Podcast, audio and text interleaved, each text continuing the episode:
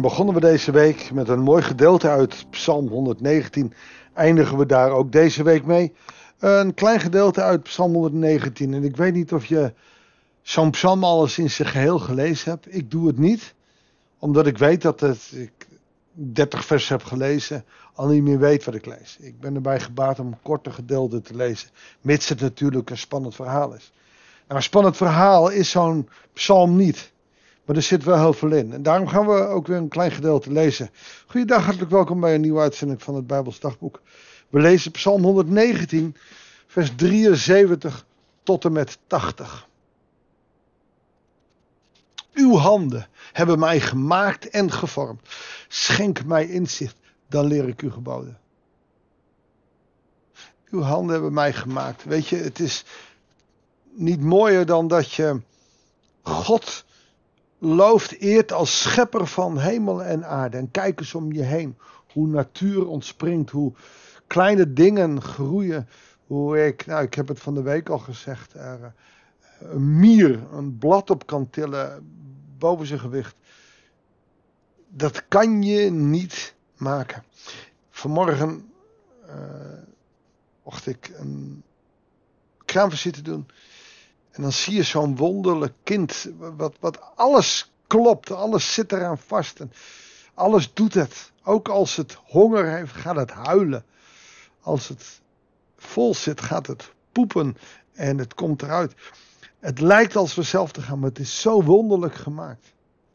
Nou, als de psalmdichter zegt, uw handen hebben mij gemaakt en gevormd, dan laat hij ook iets zien van het wonder dat God de mens heeft gemaakt. En dan wat hij doet is een prachtige zin van afhankelijkheid. Schenk mij inzicht.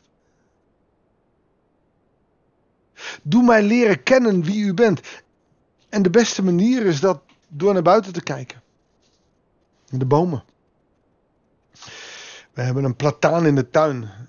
Die wordt elk jaar gesnoeid tot op het bot als het ware. Er blijft alleen een stronk staan.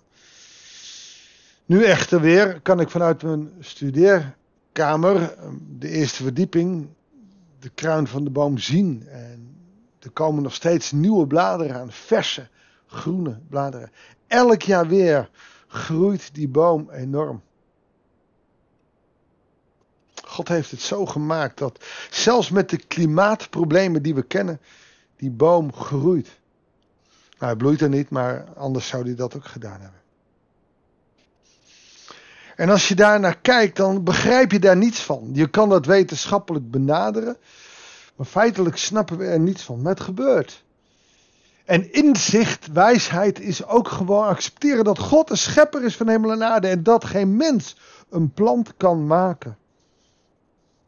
Dat geen mens een mens kan maken. Ja, je kan seks hebben, daar ontstaat iets uit. Maar het feit dat een zaadje en een ei zal bij elkaar komen. We mensen kunnen het nog niet maken. We gaan weg. We zijn dichtbij. En toch kan het nog niet. We zijn afhankelijk van een God die schepper is van hemel en aarde. En als je daarover nadenkt, krijg je inzicht. En dan kan je ontzag krijgen van een God die dat bewerkstelligd heeft. En als je ontzag krijgt, dan zie je, de, en dan keert hij het hier om, dan leer ik uw geboden. Oftewel, als we God kijken hoe wonderlijk groot hij is, dan leer je zijn geboden ook kennen. Waarom? Niet naverig zijn, niet jaloers zijn, niet, niet stelen, niet, niet kapot maken wat van een ander is. Dat kan je het beste door naar de natuur te kijken. Dat wil je niet kapot maken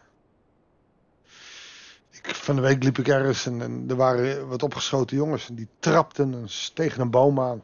Een dun boompje. Ze wouden hem omschoppen. Omdat zij geen ontzag hebben voor God.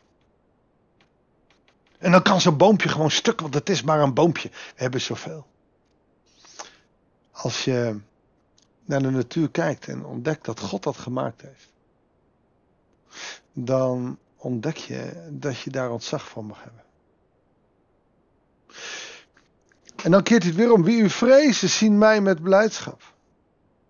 Oftewel, wie ontzag hebben voor uw naam, zien mij met blijdschap. En in uw woord heb ik mijn hoop gesteld. Dus wanneer je ontzag krijgt voor God, krijg je ook ontzag voor de wet. De wet is iets afschuwelijks, weet je dat? Dus heel veel mensen hebben een bloedhekel aan de wet. Er zijn zelfs charismatische groepen die zeggen: nee, de wet is vervangen door de genade. Dat is grote onzin.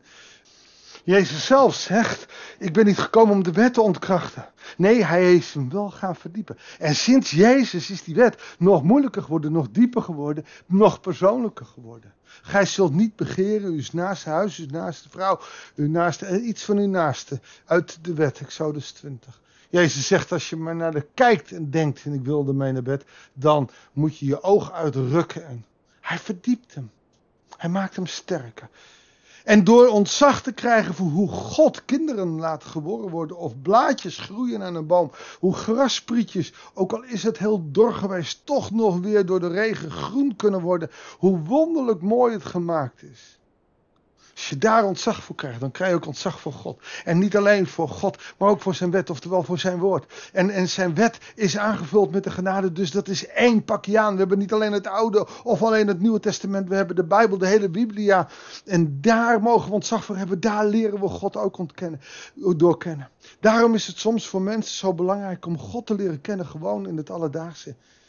Om te laten zien, om te ontdekken hoe groot God is. Maar God is groot. God is zo ongelooflijk groot. En, en, en als, als we God beter leren kennen, dan wordt die wet ook moeilijker. Dan moeten we ook radicale leven. Dat is ook moeilijk. De wet is ook moeilijk. En door de genade wordt het niet veel makkelijker. Maar we mogen door de genade ook weten dat we het nooit volledig goed zullen doen. Maar dat we door genade alleen kunnen leven. Betekent niet dat we de wet af moeten schaffen. Nee, volstrekt niet. Wat we niet moeten doen, en dat is wat heel veel bedoelen dan, is wettisch leven. Alleen maar de wet.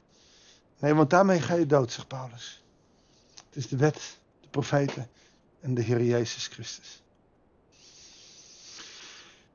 Ik weet het, Heer, uw voorschriften zijn rechtvaardig. Vers 73, 75. En u vernederde mij in uw trouw. Mooi hè? Als je God leert kennen, dan word je vernederd. Waarom? Gods trouw is zo groot. Is zo, hij is zo trouw. Dat kunnen wij niet. Niet aan hem, niet aan onze naasten en ook niet aan onszelf. Wij zijn niet trouw. Maar Gods genade, Gods trouw is zo groot. Dat je daardoor vernederd kan worden. Dat je denkt, ja, maar zo kan ik nooit worden. En dan kan je komen tot het gebed wat hij zegt in 76. Mogen uw liefde mij vertroosten. Ik kan niet zo trouw zijn als u, maar wilt u mij vertroosten met uw liefde. Zoals u aan uw dienaar hebt beloofd. Dat heeft u beloofd. Doe het alstublieft. Heb mededogen met mij en ik zal leven. Uw wet verheugt mij. Uw woord, de Bijbel, verheugt mij. En dat kan alleen maar als je.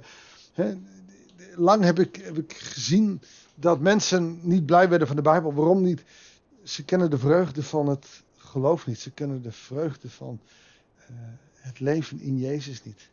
Uh, sommigen zeggen wel eens, ze hadden geen levend geloof. En ik denk dat dat ook wel klopt. Als je geen levend geloof hebt, als de Bijbel maar een Bijbelboek is over God waar je wel wat in gelooft, dan is het niet interessant. Ik zie dat aan mijn zoons. Weet je, die geloven wel dat er iets is, maar doen er verder niks mee. Waarom? Omdat ze niet ontdekt hebben dat deze wereld zo wonderlijk in elkaar zit. Dat er wel een God achter moet zitten. Op een of andere manier lukt het ze niet daartoe te komen, omdat ze te veel bezig zijn met zichzelf of met andere dingen. Maar op het moment dat je erachter komt dat, dat er meer moet zijn, omdat een grassprietje niet zomaar kan groeien, omdat een blad aan een boom zoiets unieks is. In de vakantie zag ik een uh, prachtige bloem. Het leek net plastic, het was een echte bloem. Zo wonderlijk mooi. Dat je het gevoel hebt dat je iets hemels ziet gemaakt door de hemelse vader. Gezorgd dat als je een bolletje in de grond zet, dat er een bloem uitkomt. Hoe wonderlijk mooi. Laat de hoogmoedigen beschaamd staan.